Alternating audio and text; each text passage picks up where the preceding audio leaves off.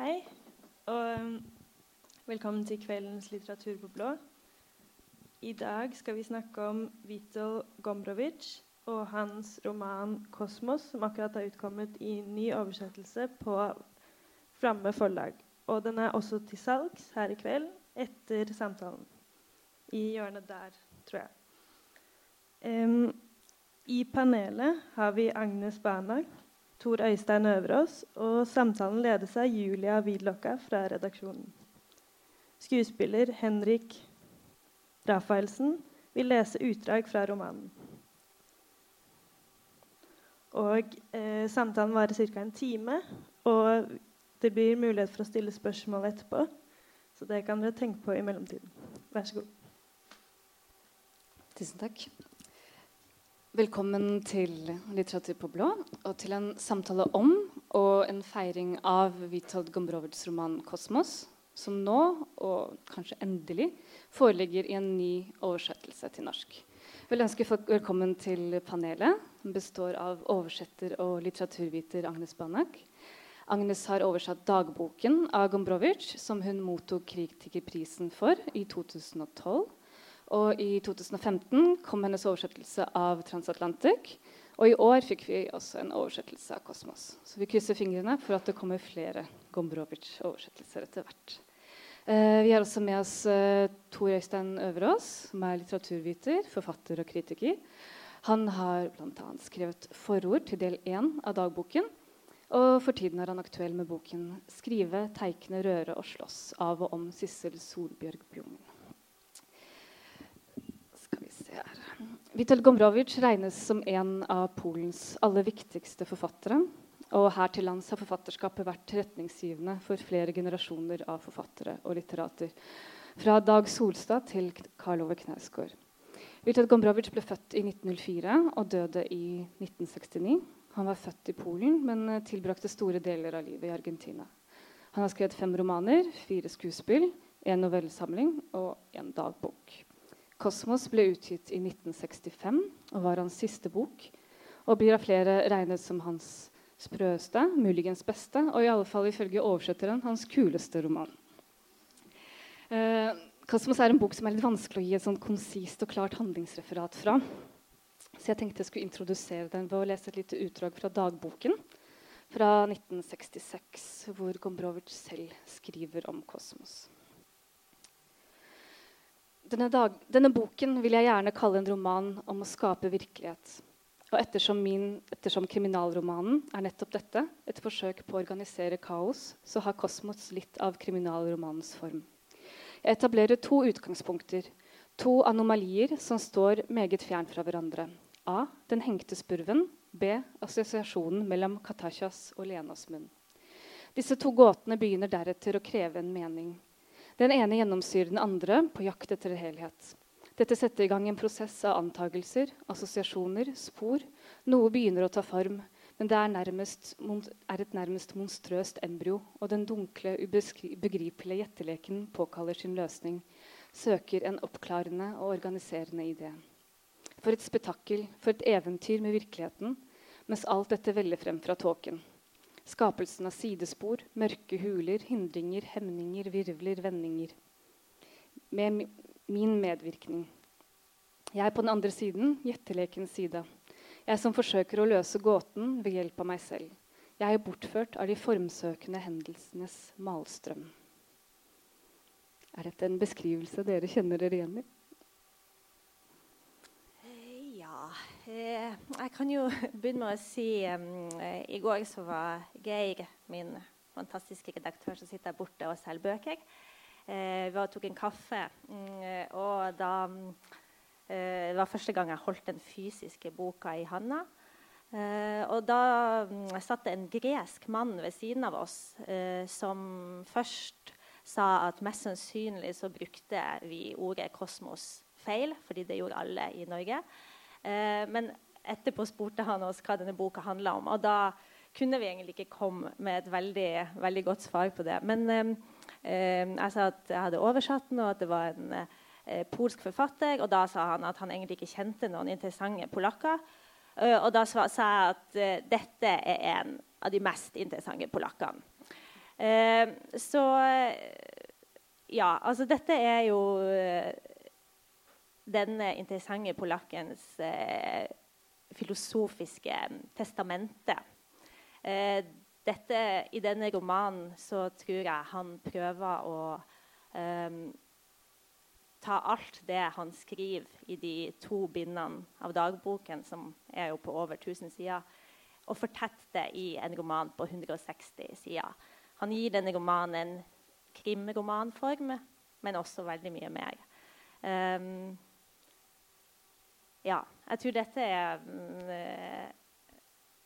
mer kanskje interessant også å snakke om hva denne boken er, etter at flere har, har lest den. Fordi um, som leser eh, og oversetter så har den åpna utrolig mange nye rom gjennom dette siste året som jeg har jobba med den, og jeg kan ikke gi noe entydig svar. Kanskje du har det? Uh, ja, han hadde, så, han hadde, ikke så, gode svar på Eller han ga oss ikke et konkret svar på det. Han mente bare at det greske ordet hadde veldig mange betydninger som det norske ordet ikke, ikke hadde. Jeg tror jeg vil begynne med å rett og slett um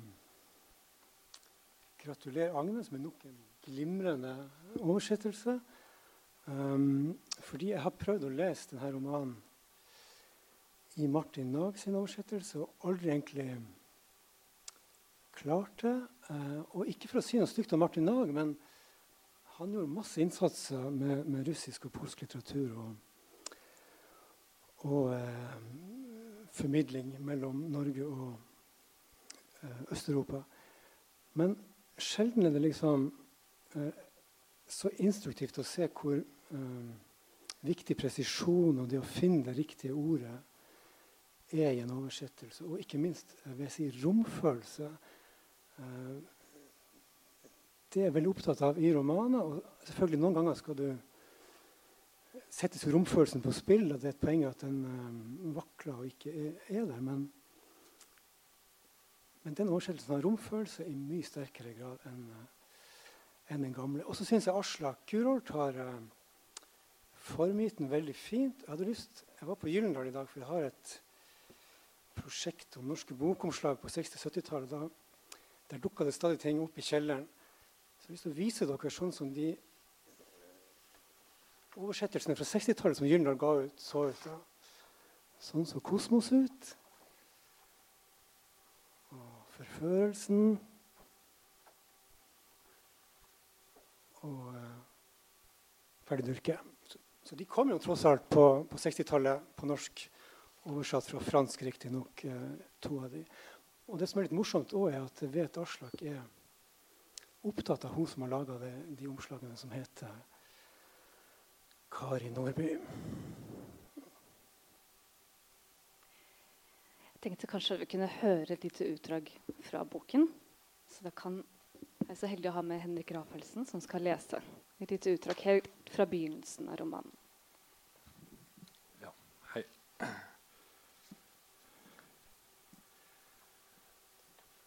Jeg skal fortelle en annen, merkeligere historie.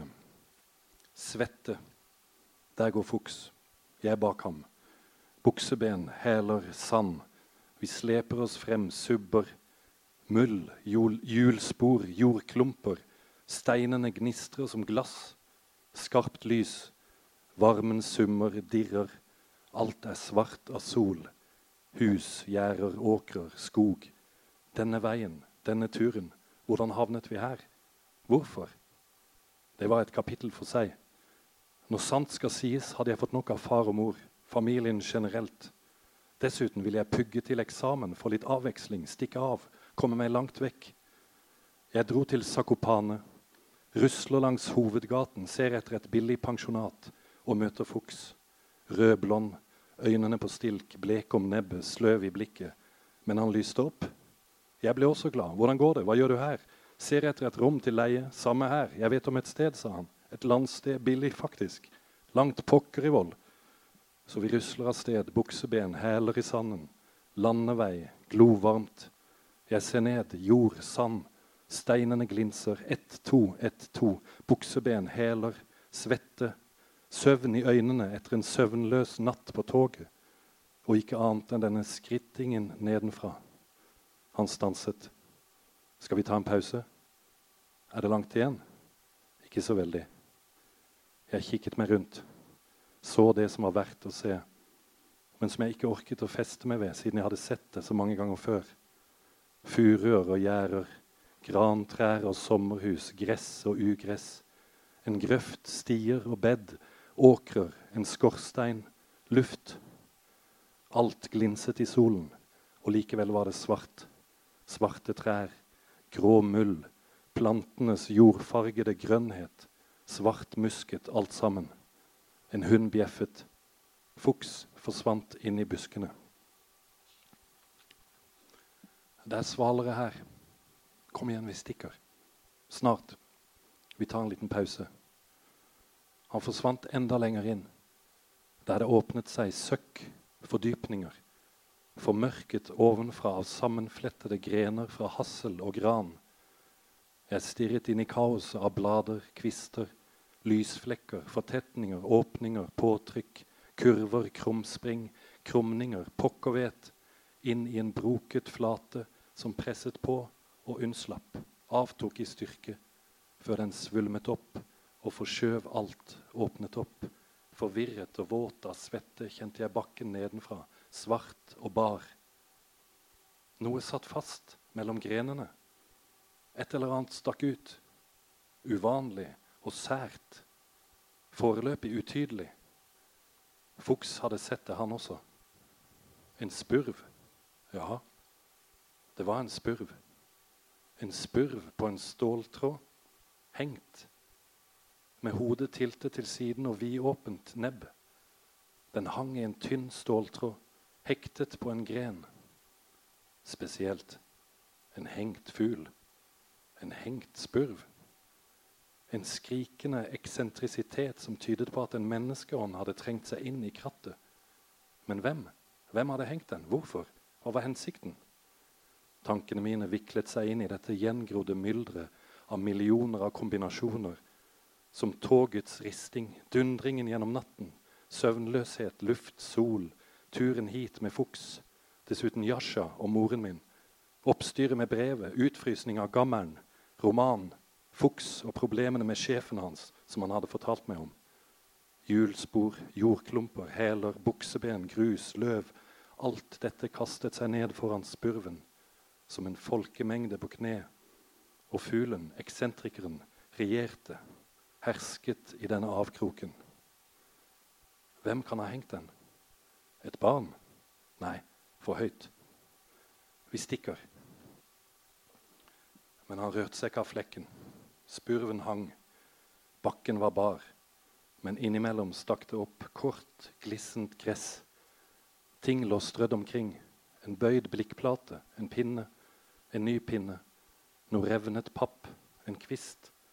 Dessuten en bille, en maur, en ny maur, et ukjent kryp, noe spon osv. osv. Helt bort til den overgrodde roten av krattet. Han iakttok alt dette, i likhet med meg. Vi stikker. Men han ble stående og se. Spurven hang, jeg sto, så. Vi stikker, vi stikker.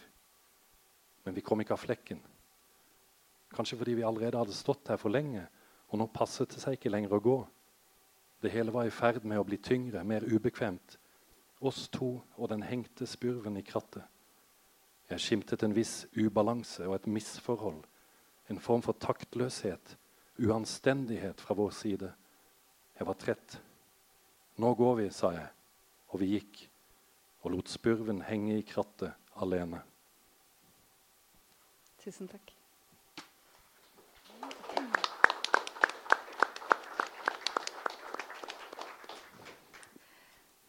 Vi har denne spurven som er hengt, som er en slags sånn katalysator, kanskje. Ja. Um, og jeg tenker jo at Idet en spurv man uh, tilfeldigvis finner i et kratt, uh, blir en katalysator for noe, så har man jo så sliter man jo kanskje litt i utgangspunktet. Eller da er det jo noe annet som har vært der tidligere. Eh, og det, meg, det, er det fantastiske med denne romanen, at det, dette anslaget, denne spurven i krattet, dette skjer på, nederst på første side. Og etter det så går det slag i slag. Og det er akkurat eh, som om vi er med en gang inne i hodet på denne fortelleren, som eh, rett og slett setter alt i sammenheng med alt. Um, og det um, Dette blir veldig uh, synlig da han først er et ganske lite sted. Um, der han er i et interiør, der han på en måte finner absolutt alt han, han kommer over, eh, kan ha en forbindelseslinje til noe annet. Eh, men dette kommer, blir helt ekstremt etter hvert da de faktisk drar ut fra dette pensjonatet de bor på i Zakopane, og drar ut i fjellet. For da er det akkurat som man føler at denne herjende stormen av materie, altså naturen, at det er bare, det er bare for, for, mye til at uh, noe som helst menneske med følsomhet, og det er viktig, med følsomhet kan takle det. Så det er rett og slett et, um, vi, vi, følger denne reisen til et uh, overfølsomt sinn som hele tiden er på grensen til galskap, og som kanskje mange vil si midt i boka overskrider denne grensen. Hva tenker du, Therese? Uh, ja, spurven i spurven, ja. Ja, uh, dette er en roman som virkelig må tolkes. Altså, og jeg vet nesten ikke hvor jeg skal begynne. Så jeg må si at dette er en av de mørkeste, dystreste Hva sier man på svensk? Svåleste romaner jeg har lest på, på lenge. Altså. Um, og som tittelen 'Kosmos' altså den handler på en måte nesten om alt, eller de største, de mest grunnleggende spørsmål. Altså hvordan vi etablerer mening, etablerer forbindelser, liksom ordner virkeligheten. Eh, Fins virkeligheten, eller fins den bare inni mitt hode? Osv. Um, og også prosaen, tenker jeg. Det utdraget vi hørte nå fra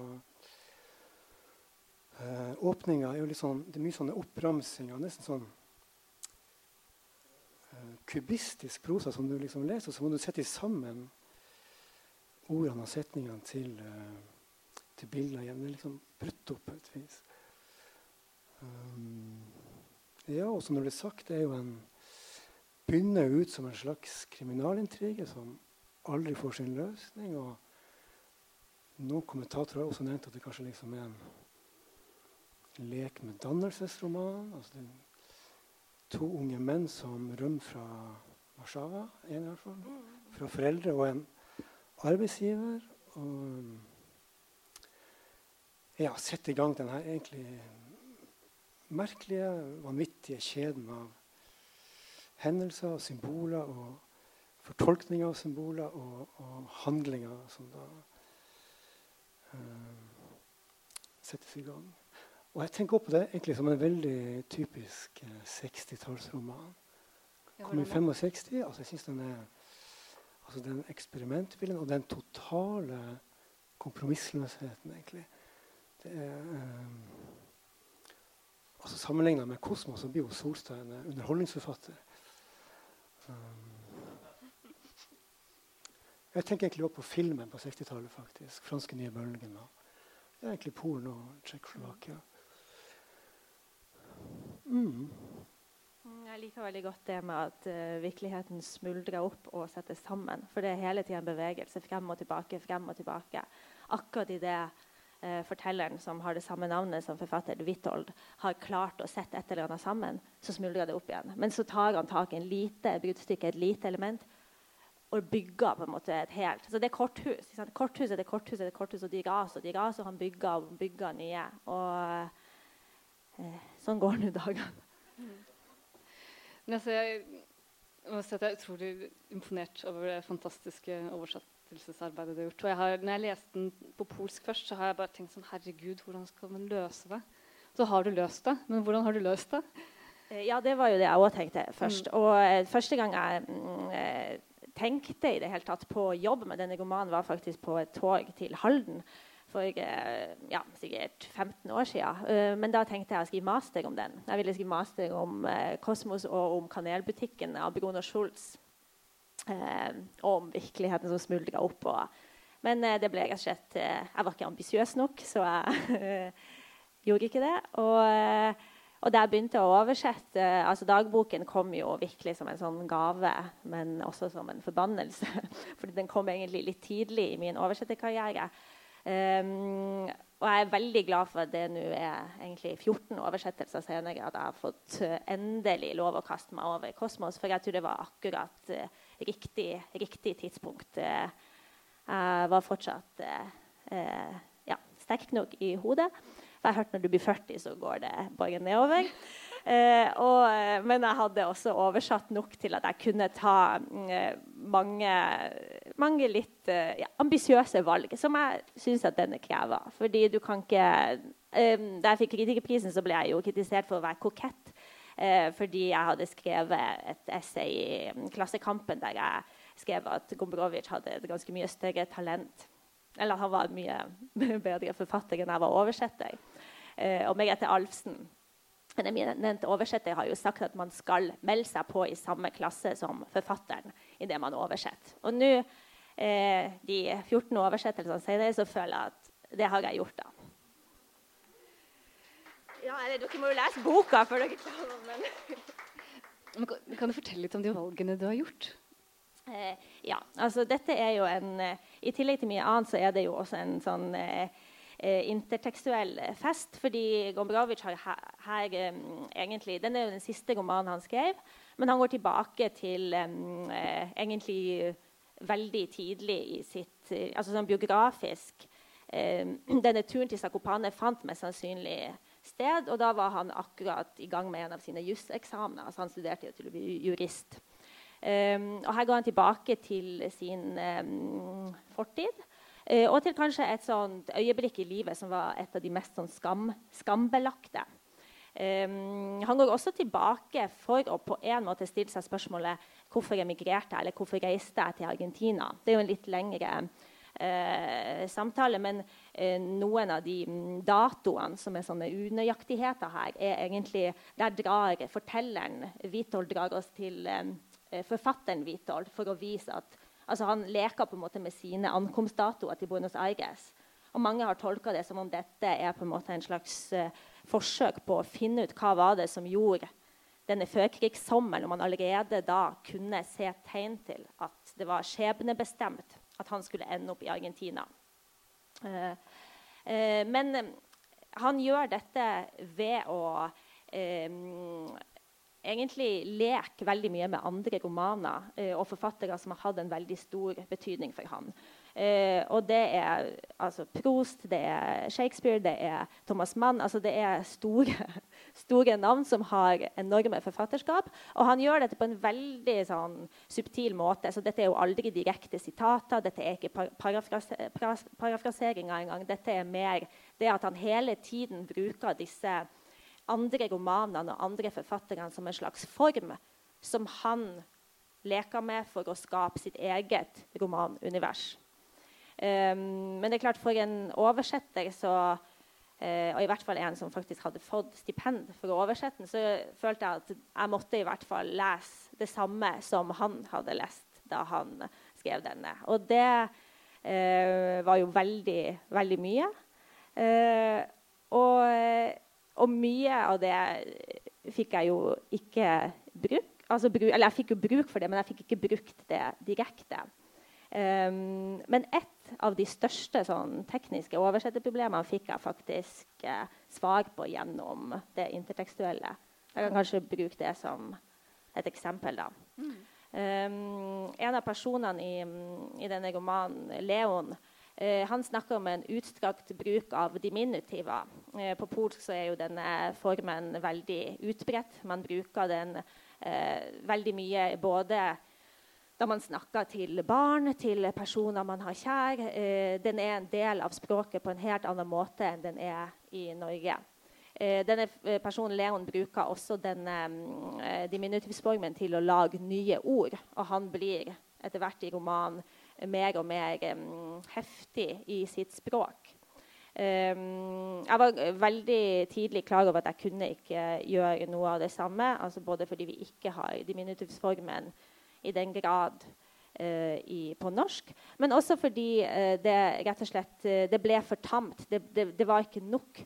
så jeg måtte rett og slett se på hva, hva, slags funksjon disse ordene hadde i Leon sitt språk. Og det det gjør, er at på den ene siden så sakker det lesinga veldig ned.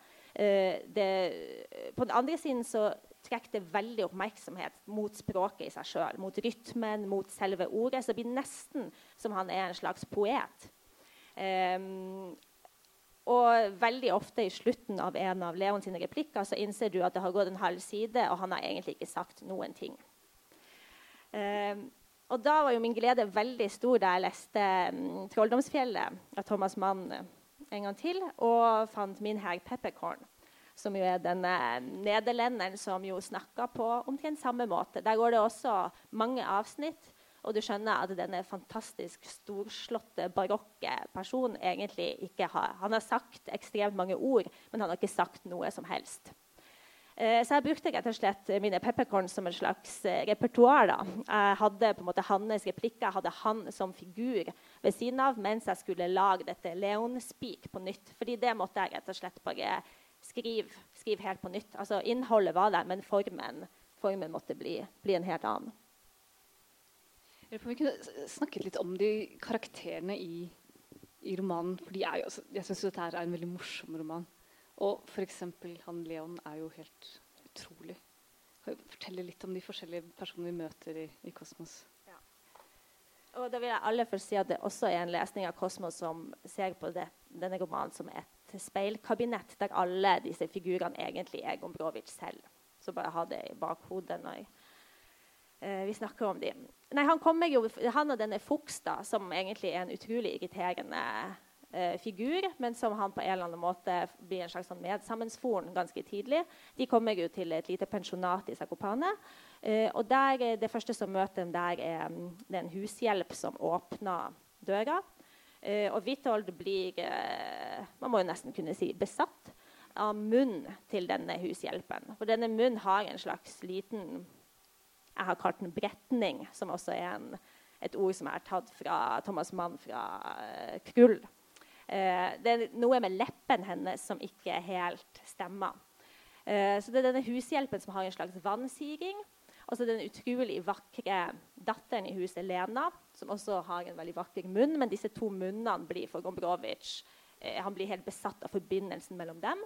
Så det er faren i huset, Leon, som vi kan komme tilbake til fordi han er egen, et kapittel for seg. Eh, så er det kona hans, altså fru Voitis. Um, ja, og Det er altså de som bor i denne uh, husholdningen. Og så Idet de drar til fjells, så møter vi to par til. Det er altså Lulu og Lulla. Og Jadde og um, han de kaller rittmesteren, som egentlig heter Tolloda. Men altså alle de, og du hører det jo på navnene nå. Lena, Ludvig, Leon, Lulu altså han, Det er egentlig bare en unnskyldning for Gombrowicz på å bare skrive ut sine, uh, sine, replikker, sine tanker, sin skam, sin uh, galskap ut på et uh, stort person, persongalleri. Har du noe å tilføye der? Til disse, hvordan er det du leser disse Nei, jeg tror ikke jeg vil si noe om Nei. det akkurat. Nei. Da kan vi kanskje gå litt mer på han Leon, som vi skulle tilbake til. Ja, altså Leon er jo en um, Han er jo en slags um, um, det, det, snakkes jo mye om at Gombrowicz har ofte dobbeltgjengere i sine romaner. I Transatlantic er det jo Gonzalo, denne uh, veldig flamboyante argentiner. Mens her så er det Leon. Og det passer jo også på en måte litt med alderen uh, Gombrowicz var uh, da han skrev disse. Han var jo eller 40, 40 årene da han skrev 'Transatlantic'. og Dette var jo helt i slutten av livet. Og Leon er altså en eldre mm, herremann. en uh, pensjonist. Han er pensjonert bankmann, nå bridgespiller med madammens tillatelse, som han sier selv. Men han er altså så ubehagelig, fordi han driver på med et eller annet veldig rart. Altså for Ved bordet så sitter han og ruller, ruller brødkuler og plasserer de veldig sirlig på rekke. Eller han sitter og leker med lorgnetten sin. Eller han, han har en slags sånn eh, Han gir veldig mye oppmerksomhet til helt tilfeldige eh, handlinger. Og en måte som blir mer og mer ubehagelig, men også mer og mer fascinerende for, for Hvitold. Og så slutter jo denne romanen, eh, som jeg vil si en av Polens største romaner, den slutter rett og slett med en eh, ja, man må jo bare kalle det en stor onaniscene, der eh, Leon onanerer for, eh, foran alle de andre personene i romanen. Når, jeg bare tenker sånn, eh, altså når man leser den boka, så er det en sånn intens, nesten sånn klaustrofobisk opplevelse. Når du leser den, føler du nesten holder på å bli litt gal. Så tenker jeg sånn, Når du sitter og oversetter den boka Du sa at ja, du bruker jo litt mer tid på det. Blir du ikke helt nå sitter jo mannen min i publikum, så han kan kanskje si mer om det etterpå. i barn. Men eh, nei, altså det, eh, det mest sånn morsomme med det var at eh, jeg, jeg skrev notater. Jeg, skrev jeg har begynt å skrive sånn dagbok ved siden av hver oversettelse. bare så jeg skal kunne gå tilbake og svare på kritikk. Eller hvis folk spør meg hvorfor jeg har gjort de og de valgene, så skal jeg kunne gå tilbake og se hvilke prosesser jeg har gjort. Og ganske tidlig i denne prosessen så, så skrev jeg sånn Kanskje skrive en tekst om en oversetter som plutselig innser at hvert ord egentlig kunne bli oversatt med noe annet. Og hun ender med å bli gal. Og, så det er jo på en måte litt det med denne romanen. Fordi det er så tett, og det er så Hver setning den sitter. Altså det, det, er ikke noen Det er ingen transportetapper. Det er ingen, ikke noe rom her for å trå feil hvis du leser Gombrowicz sin tekst. Og som oversetter er jo det ganske nådeløst, fordi det er jo som å oversette poesi. Altså du, samtidig så skal du igjen, Den er tynn, men det er likevel, du skal gjennom 160 sider. Og du kan, du, det føles som om ikke du kan bomme på én en eneste setning. Og da blir du veldig klar over hvor, hvor mye du kan bomme, og mest sannsynlig har bomma. Altså, du, du, blir veldig sånn bevisst det enorme eh, de enorme valgmulighetene. Så kan man vel si her eh, hvor mange setninger kan man lage av de 24 bokstavene i alfabetet. Altså Det er litt den, da. Du, du innser plutselig at ja, mulighetene er endeløse, samtidig som de ikke, som de ikke er det. Hvordan opplever dere at denne boken her forholder seg til resten av hans forfatterskap? Er det f.eks. til altså dagboken eller færre Durkel? Hvordan eh, Er den veldig annerledes enn de andre? Jeg syns i hvert fall at den er mm, ganske annerledes enn uh, Ferdig Durke. Altså, Ferdig Durke er jo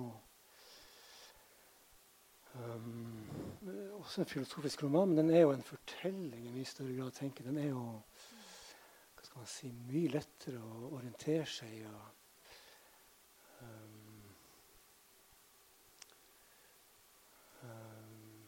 Men jeg har også tenkt at romanen hans er jo må du korrigerer meg hvis jeg sier feil, handler egentlig om ungdommen og ungdommen hans. ikke sant? Mm. Mens dagboken er alderdomsverket på et vis. Mm. Eller han begynner å skrive når han er 49. da. Um, men jeg tenker også liksom, det her er hans siste roman. Han er 61 år når den kommer ut. Og, og den er liksom så knedrete og så klaustrofobisk, som du sa. og og jeg nesten tenker sånn Det som skjer uforløst, altså kanskje ikke uforløst som kunstverk, men universet kjennes veldig sånn Det kommer aldri til utløsninga du har med onanise. Altså, um, og, og, det er en veldig Hva skal man si Veldig mye seksuell symbolikk. Og, men alt er jo veldig sånn Ja, det er ingen liksom, forløsning. Alt er liksom bare Ja, og eh, til det vil jeg også eh, si noe om denne Jadde-personen. Eh, den ene kvinnen da, som kommer inn ganske sent i romanen. Og det kommer også en prest. Åh, oh, jeg glemte presten. Det kommer også en prest med på helt, helt i slutten. Men både Jadde og presten eh, har noe som Witold snakker om som en slags sånn inversjon. Da, eller noe at det er noe sånn virkelig sånn uforløst. Fordi Jadde er en kvinne som um, Han får en følelse av at kroppen hennes er bare til hennes eget bruk. Noe som han syns er veldig veldig provoserende. Um, og, og dette, eh, men dette er, også, dette er, jo også, en del av denne skammen. altså Gomberg har jo denne fantastiske linja i dagboken der han sier at all hans kreativitet den springer ut fra denne kilden, og kilden er hans skam. Så dette er jo den skammen over at det uforløste var jo der i den ungdoms... Altså det var noe som skjedde med han når han kom fra Warszawa. Det var noe som skjedde med, i Warszawa. Det var noe konflikten med faren. Det er noe veldig sånn, rart med det forholdet til Fuchs. Uh, med denne fascinasjonen. Han er jo mye mer fascinert av ektemannen til Jadde, altså rittmesteren, enn av Jadde. Altså, det, er, det, er, så mye der som man kunne ta tak i og sagt at her er det noe er, Han var egentlig homoseksuell, men fikk det aldri ut. Han, altså det, men samtidig så er det så typisk Gombrowicz også at det bare blir én av disse mange maskene. En av de mange tingene han testa ut. Og han nekta å bare bli passert i én. Altså, han var verken heteroseksuell eller homoseksuell eller ung eller gammel, egentlig kvinne eller mann. Altså, han var utrolig opptatt av det å ikke la seg fange i noen, i noen form. Og, ikke sant? For de Durke ender jo med dette 'Jeg flykter med ansiktet i hendene'. Han har jo blitt kalt den evige debutant. Altså, det, er, det er den bevegelsen. da. Det er en flukt fra første til siste ord han skriver.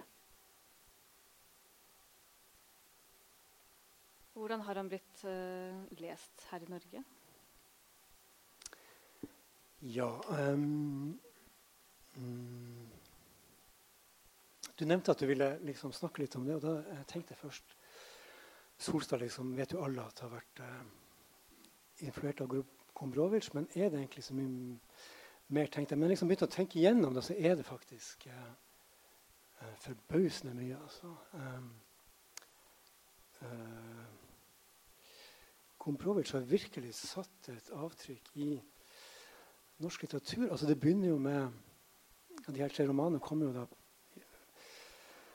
på norsk på slutten av 60-tallet. Og um, Solstad leser uh, 'Forførelsen' og, og 'Kosmos' og blir veldig uh, betatt. Og så får han i oppdrag å skrive et essay i vinduet i 1968, som jo òg ble et ganske berømt essay som heter 'Nødvendigheten av å leve inautentisk'. Hvor liksom Solstad mener liksom å introdusere Gombrowicz på en måte bruke det han kan hente ut av Gombrovers til sitt formål. Da, og, og, er opptatt av, opptatt av, det her med formen og spilleren. Altså, altså at liksom man kan man kan aldri tro at man skal bli et autentisk menneske som er ett med sine handlinger. Man må vite at man hele tida eh, utfordres av omgivelsene og situasjonen, andre som man må forholde seg til og er i kamp med, og som vil definere det. og som du må liksom spille for å manøvrere sosialt. Uh, og, og, Solstad skrev jo en roman som i 69 var vel det, 'Irr grønt', som ligger veldig tett på Gombrovic. Jeg tror Solstad sjøl har sagt at hvis kritikerne hadde visst hvor eh, Eller hadde kunnet sin Gombrovic, da, så hadde de kanskje mast mer med det. Um, og Espen Håvardsholm var opptatt av Gombrovic. Um, så når han får lov til å velge en roman til denne serien 'Forfatternes forfatter' på Gyldendal på, på 2000-tallet, så velger han eh, Ferdig Durke da, og skriver en tekst om det. Seterbakken skrev om Gombrowicz på 90-tallet. Um, men så dukka han jo veldig opp igjen nå uh, siste tiåret. Og Knausgård, selvfølgelig. Uh, og da er det dagbøker, ikke romaner, men dagbøker. Solstad sier også i en uh, artikkel fra 2004, når de hadde en sånn Gombrowicz-symposium i Sverige, at uh, han var ikke interessert i dagbøkene. Han leste de da for liksom å ja, Han hadde sagt at han kanskje burde gjøre det, men det var ikke noe som interesserte han. Og han var ikke interessert i Gombrowicz, han var interessert i romanen, altså tekstene. Um, men på liksom min generasjon da, og um, Knausgård så er det dagbøkene. Uh, og uh, jeg tenker at Knausgård, min kamp, er um, har laga seg en form der som kan gjøre mye av det samme som Komprovic gjør i dagbøkene. Altså, altså snakke om annen kunst og litteratur og personer. og Filosofere og esaistiske sidesprang og um, digresjoner i, i, hele veien. Um, og Geir Gulliksen har jo skrevet utførlig om Gombrowicz. Um, og Vigdis Hjort. Og det her er jo liksom de forfatterne som har vært lengst framme i denne debatten om virkelighetslitteratur. Og, og jeg skjønner det at den dag, dagboka der uh, Hva skal man si Kan de relatere seg til? Da? Uh, Vigdis Hjort skriver jo vel et etterord til dagboka, ikke sant? Som eh, på en måte er litt irriterende, og på en måte er veldig elegant. fordi at det hun gjør, er at hun um, forteller om en tur til Cuba, hvor hun har tatt på seg å være en slags litterær guide. Uh, for hun har jo skrevet en Cuba-roman. Uh, men det hun gjør, det er at hun iscenesetter egentlig i det essayet. For hun forteller om liksom, sine opplevelser med de her litterære turistene da, som alle skal ha en bit av. Hun, hun iscenesetter egentlig uh, sin tematikk om at hun altså Kampen for å holde andre fra livet og ikke la andre definere det. Liksom, og overleve sosialt. Da. Ja, og flere yngre forfattere. Egentlig er og så har jo Flamme da selvfølgelig vært viktig for, um,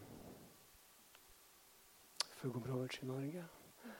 Um, jeg gikk faktisk på Nils Øyvind Haagensen på gata i dag. Så jeg skulle hit. Og så fortalte han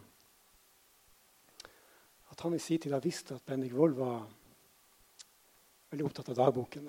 Liksom, så han kom på kontoret en dag når de var sammen på Flamme. Liksom, han hadde funnet en veldig fin dansk utgave tror jeg, da, som han liksom ga Bendik. Og skulle liksom si at som en gave til Bendik det her kanskje vi skal oversette en dag. da.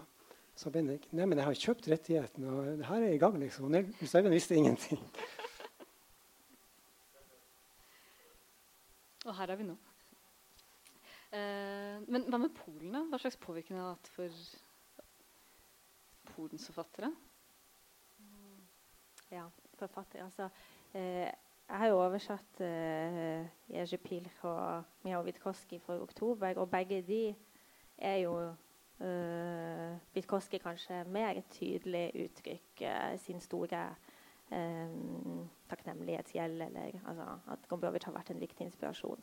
Men jeg tror det er mer sånn at han er bare noen man må forholde seg til. Altså, det er ingen polske forfattere som kan la være å forholde seg til Gombrowicz. Det er mer at han er, han er der, og han eh, jeg han fortsatt er provoserende for mange. For han hadde jo et veldig trøblete forhold til Polen. Altså det at han emigrerte, og øh, grunnen til at han ble i Argentina, det er jo en kjent sak, men det, det, var jo fordi andre verdenskrig brøt ut. Og han skulle jo egentlig være der i to uker. Han dro på et uh, forfatter... Øh, en konferanse eller øh, Skulle i hvert fall være der ganske kort tid, og så brøt andre verdenskrig ut, og så dro han aldri tilbake. Og og det at han ikke dro tilbake, var jo i seg selv et ganske drastisk valg. Altså, han dro jo ikke tilbake for å Han nekta jo å kjempe for fedrelandet. Men han fortsatte jo også egentlig hele sitt forfatterskap og på en eller annen måte å kjempe mot Polen. Samtidig som dette ikke var entydig. Altså det var jo hele tiden det at han, han skriver om Polen som et svakt land, som periferien. Samtidig som han skriver også om det, den enorme styrken det faktisk er, og den perifere, eller den um, situasjonen med å være et svakt land um, et svakt språk, et mindre språk, en mindre nasjon. At det er noe helt annet enn å skrive på engelsk eller fransk eller tysk. Altså, han var hele tida bevisst de to sidene ved det å være polsk også. Men han selv skrev jo konsekvent polsk hele forfatterskapet. Og 'Transatlanter', altså den forrige jeg oversatt, skrev han jo på et barokt gammelpolsk som var uforståelig for mange polakker òg. Og det var hans første bok i emigrasjon da, da, er det veldig uklart hva du, ønsker, hva du ønsker å oppnå. For du vil jo ikke bli, jo ikke bli lest av de i det landet du eh, skriver, fordi det, han visste jo den nesten var uoversettelig.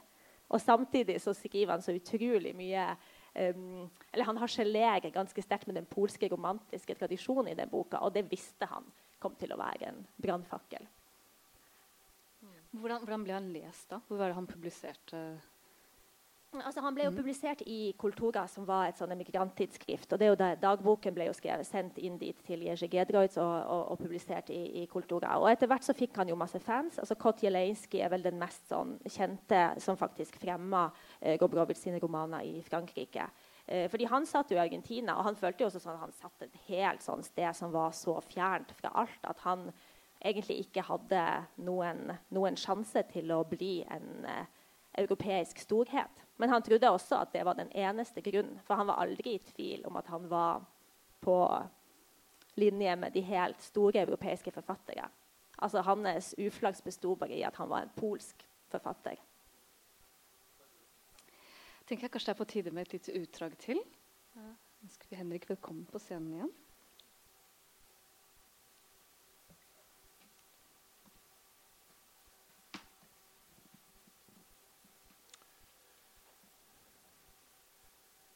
Katarsia står over meg. Munnen går i ett. For noen pøbler. De har hengt pus. Pus henger på en krok i hagen. Hvem i huleste pokker ta dem? Henge katten til Lena, for Guds skyld. Jeg satte meg opp med et rykk. Katten var hengt. Jeg hadde hengt katten. Jeg kastet et usikkert blikk mot sengen til Fuchs. Den var tom. Han var tydeligvis allerede hos katten, så jeg fikk et øyeblikk for meg selv til å ta det inn over meg. Nyheten overrasket meg som om det ikke var jeg som var kveleren. Tenk å rykkes ut av søvn og plutselig våkne til noe så utrolig. Hvorfor i alle dager kvalte jeg Lenas katt? Jeg husket nå at kvelertaket føltes som en inntrengen. Akkurat som da jeg dundret på døra hennes. Ha! Jeg trengte inn ved å kvele pus, vill av raseri for at hadde, for at jeg ikke fikk det til på noen annen måte. Men hvorfor hadde jeg hengt den på en krok? For en ubetenksomhet. Jeg måtte ha vært helt omtåket. Og hva mer er, da jeg funderte over denne apatien, halv påkledd med et tvetydig smil i det innskrumpede ansiktet jeg skimtet i speilet, følte jeg like mye tilfredsstillelse som forvirring. Som om jeg hadde spilt noen et puss. Jeg hvisket til og med 'Den henger', med glede, nytelse. Hva nå? Hvordan skulle jeg komme ut av dette? De der nede er sikkert i gang med å se for seg alle mulige scenarioer. Hadde noen sett meg? Jeg hadde kvalt katten. Det faktum vippet meg av pinnen. Katten var kvalt og hang på kroken, og jeg kunne ikke annet enn å gå ned og late som ingenting. Ja vel, men hvorfor hadde jeg kvalt den? Så mange ting hadde hopet seg opp. Så mange tråder krysset Lena, katasia, tegnene, dundringen etc. Ta f.eks. frosken eller askebegeret etc. Jeg surret meg bort i kaoset, og det falt meg til og med inn at det kunne skyldes kjelen. Kanskje jeg drepte av overflod, som et tillegg attpå. Kvelningen var dermed, i likhet med kjelen, et overskudd. Nei, det var ikke sant. Jeg hadde ikke kvalt katten pga. kjelen. Men i så fall, hva skulle jeg sette katten i forbindelse med? Hva viste den til? Jeg hadde ikke tid til å gruble. Nå måtte jeg forholde meg til situasjonen, som selv uten katten var uvirkelig, fylt med nattens særheter. Jeg gikk ned. Huset var tomt. Alle var sikkert i hagen. Før jeg gjorde min entré, kikket jeg ut bak gardinene der var muren. På muren hang katten på en krok. De sto foran muren. Lena var blant dem, på avstand. Nei, Lena var blant dem. På avstand fra dette perspektivet var det noe symbolsk over situasjonen. Min entré var ingen enkel sak. Det var et sprang inn i det ukjente. Tenk om noen hadde sett meg. Snart måtte jeg kanskje stå der og mumle et eller annet fra meg av skam. Jeg gikk sakte langs grusstien. Himmelen fløt ut som saus, Solen smeltet inn i det blåhvite firmamentet. Det kom til å bli glovarmt igjen. For en sommer. Etter hvert som jeg nærmet meg, ble katten stadig tydeligere. Tungen stakk ut av kjeften. Øynene bulte ut. Der hang den. Det ville vært bedre, tenkte jeg, om det ikke hadde vært en katt. Katter er ufyselige i utgangspunktet. Bak kattens silkemykhet skjuler det seg rabiate hyl, kloring, redselsfull, redselsfull fresing. Ja, fresing. Man kan kjele med en katt, men den kan også være et torturredskap. Det er en pus, men samtidig et beist. Jeg gikk sakte for å vinne tid. For synet av den nattlige dåden min i dagslys var overraskende. Om natten hadde den vært mindre synlig, nærmest gått i ett med alt det merkelige som skjedde. Langsomheten smittet. De beveget seg knapt. Fuchs bøyde seg ned for å undersøke muren og bakken. Jeg måtte le litt for meg selv. Men Lenas skjønnhet forundret meg.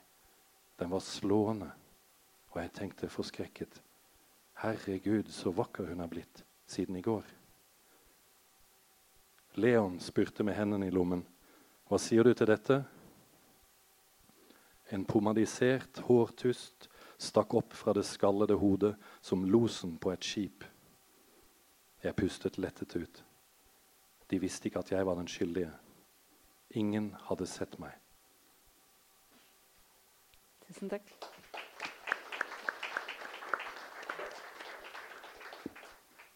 Har vi kommet fra den hengte spurven til den hengte katten. Og sammenhengstrangen. Mm. Ja.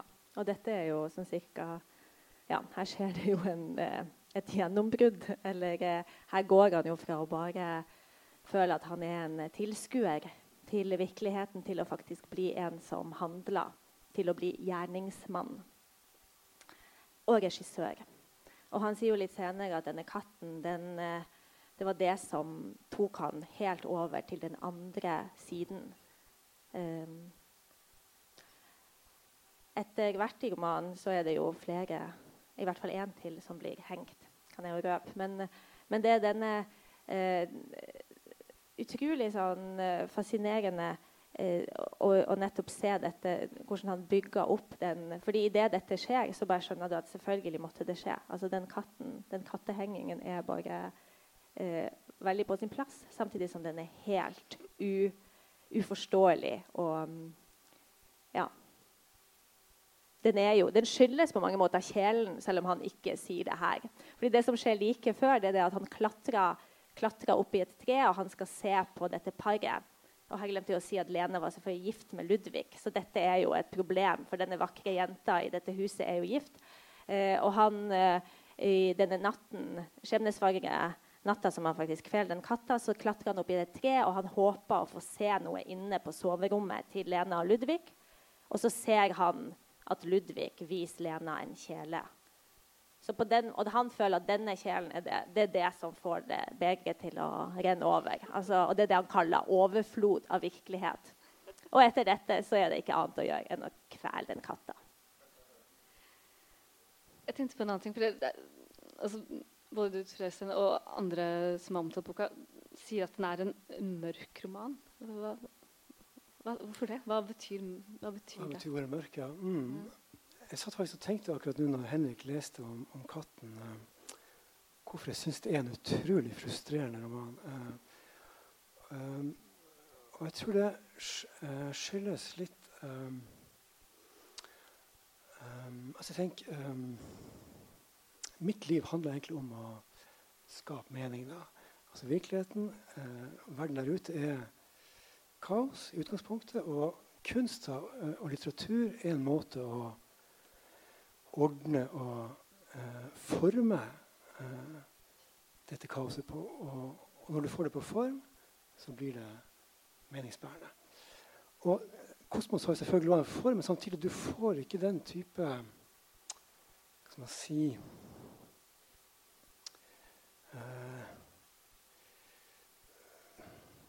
meningsfull mening som du får mange andre steder. Det blir nesten mer en parodi faktisk på den type Altså hvordan man setter sammen ting og fenomener og assosierer og forbinder og lager mønster. Så det er selvfølgelig disse tingene nå Komprovitsj undersøkte at kanskje mine, min måte, å ordne verden på har veldig Man si uh, At det skjer i kategorier jeg kanskje ikke er så obs på. Ja.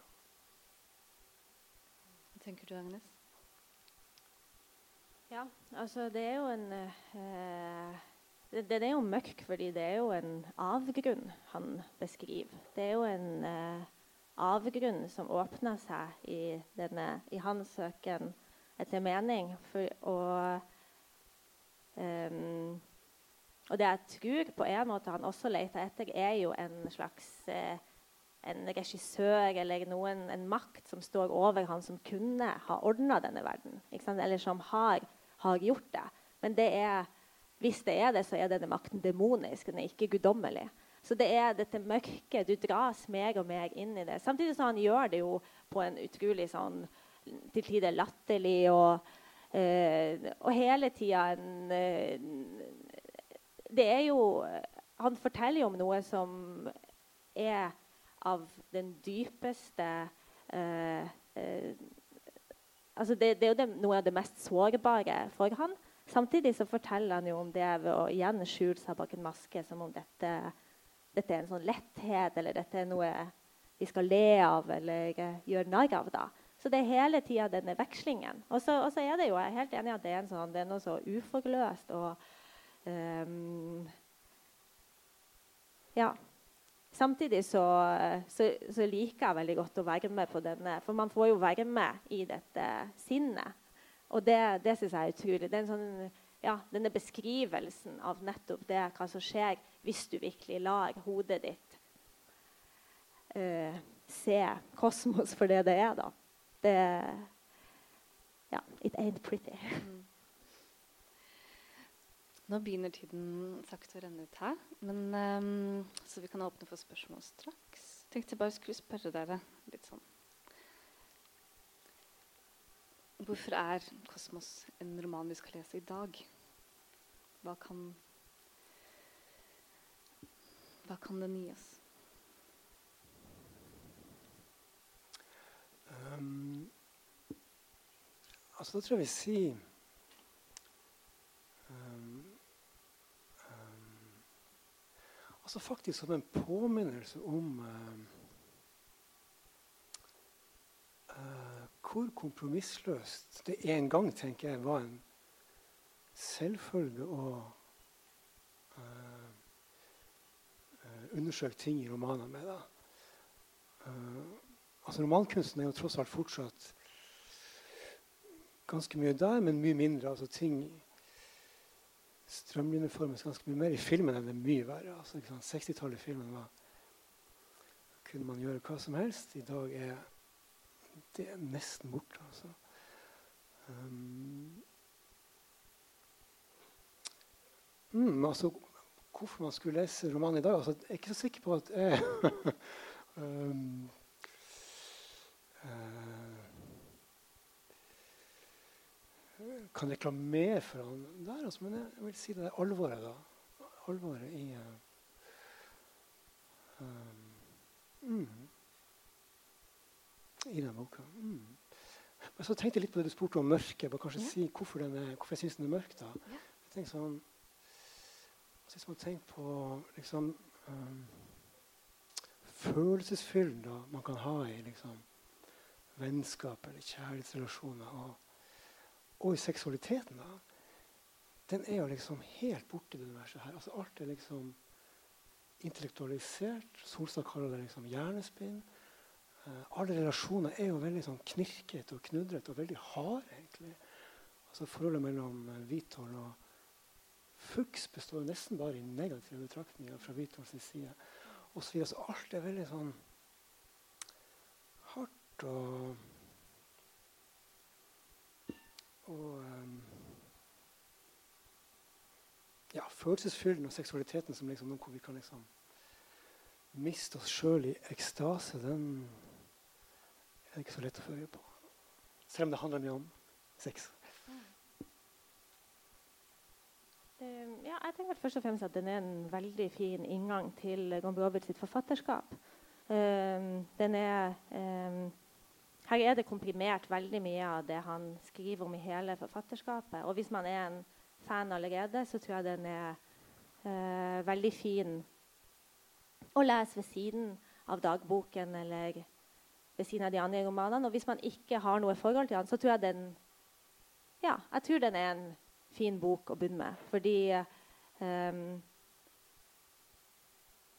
jeg syns at han her får det til. Av sine romaner så er dette nok den der han virkelig lykkes med det som han skriver Det han skriver om sine forfatterambisjoner i dagboken, um, det føler jeg at han kommer nærmest i, i, denne, i denne, boka. Jeg tenker Vi kan åpne for spørsmål fra salen. Hvis det er noen spørsmål fra salen.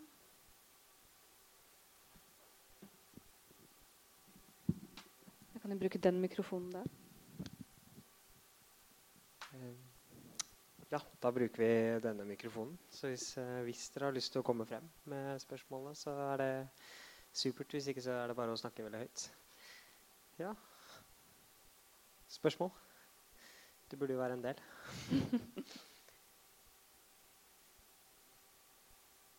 ja, vær så god.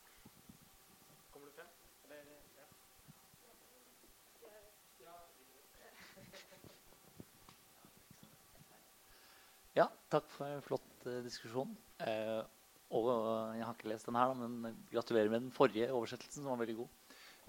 jeg har bare lyst til å spørre deg om en ting som, som du var inne på da du snakket om Solstad og Gombrowicz. Så at, at, at temaet i den første Solstad-romanen var liksom rappa eller mer, veldig sterkt inspirert fra Gombrowicz, det, det er liksom slått helt fast.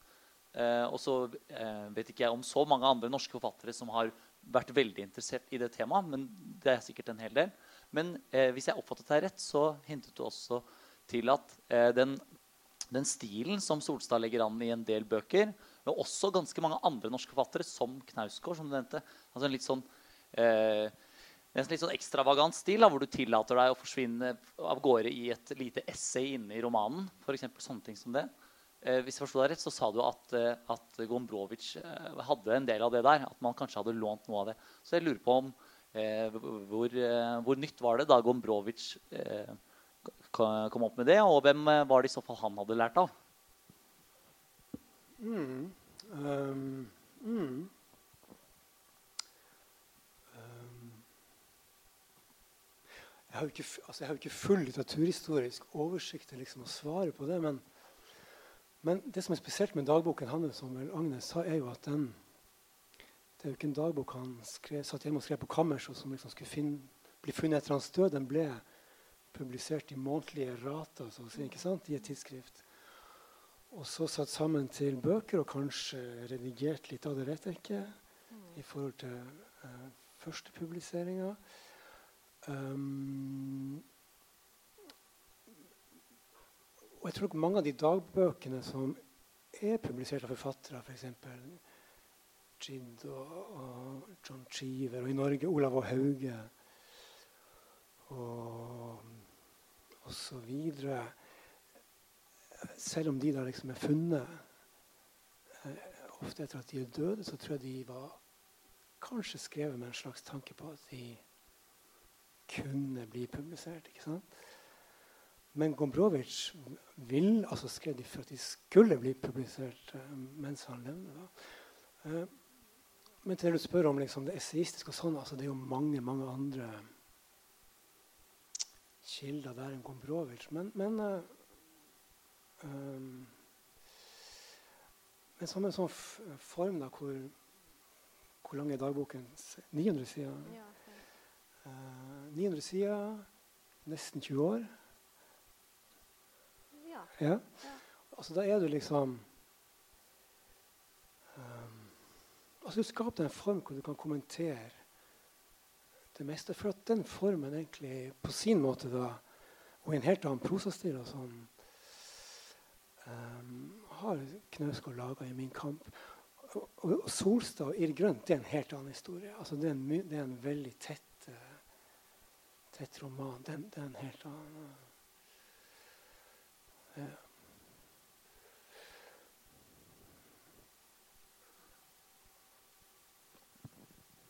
Flere spørsmål? Men, ja, kan, bare, kan jeg si en ting? Bare liksom i flukt med, med det at uh, Kombrovic blir aktuell, så altså, tenker jeg at liksom Han er jo veldig tidlig ute med veldig mye som nå er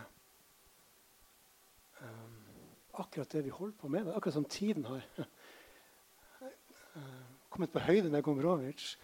Altså liksom dagbokformen og det selvbiografiske utgangspunktet. Liksom, I dag er det jo alle har sin blogg osv. Og, og, og den viljen til liksom å synes, bli berømt, som nesten er irriterende til stede i dagboken. Men også det nomadiske. Han, er, han, har han har ikke noe hjemland, eller han har et hjemland, men han, han er i eksil, han flytter rundt. Og det, ikke minst det seksuelt tvetydige. Han er liksom i ingen fast kategori. Um, og også uh, angrepet på Eller liksom Hva skal man si um, Konfliktene hele tida er med hjemlandet, da, Polen. og Jeg tror ikke den ville vært mindre i dag. kanskje, ikke sant? Altså Nasjonalismen, som han ikke var noe tilhenger av, er jo enda sterkere i dag. Mye sterkere kanskje enn ikke minst kritikken mot katolisismen, som han jo mente var en lett en lett utvei, den tror jeg ikke hadde gått hjem i dag i Polen. Så nei, han er absolutt han, eh, Og han sa jo han var den første studialisten, og at han gjorde alt det Sartre gjorde før. Altså, han hadde, var jo en del av hans selv, iscenesettelse og selskapelse. og han, han brukte jo dagboken for å skape seg sjøl som forfatter, og for å vise verden at han var verdt det. Så ja, på den måten er den jo unik. Eller jeg kjenner i hvert fall ikke til noe verk av den typen. For han begynte jo som lutfattig, egentlig helt ukjent, i Argentina. Det var sånn han begynte å skrive den. Og så skriver han frem. Han skriver seg frem til å bli forfatter. Yes, takk. Uh, Etternølere? Ja.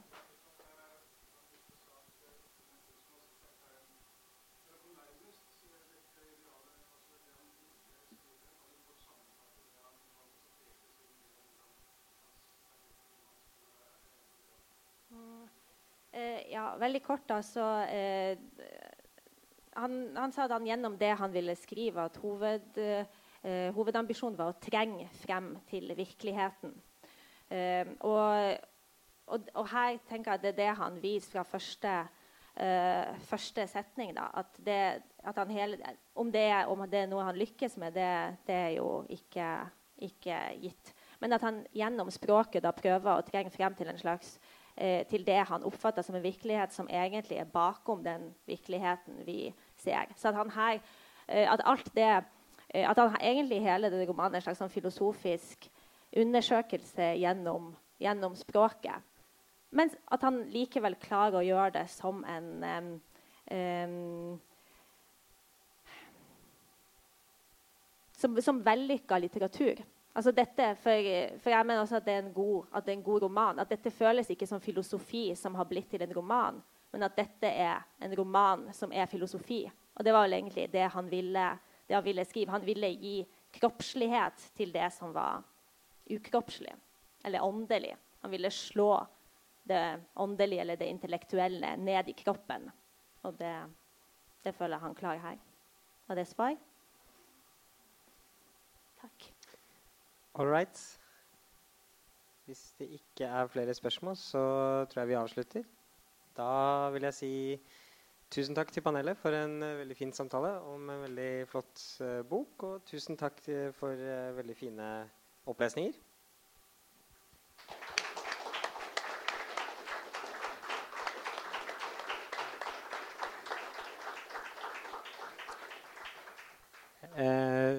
Det er også et boksalg her i kveld. Det er det vel? Ja? ja. Det står der, og da kan dere kjøpe årets beste og mest frustrerende roman. Så ikke gå ut herfra uten å ha med dere den. Og, og, og forresten, sånn helt til slutt, så uh, er vi altså tilbake neste uke allerede. Uh, med en samtale om, og med faktisk, uh, Arne Lygre, scenetekstforfatteren. Det skal da handle om posttraumatisk teater og aktuelle meg nær. Så vel møtt til det også. Takk for oppmøtet, og vel hjem.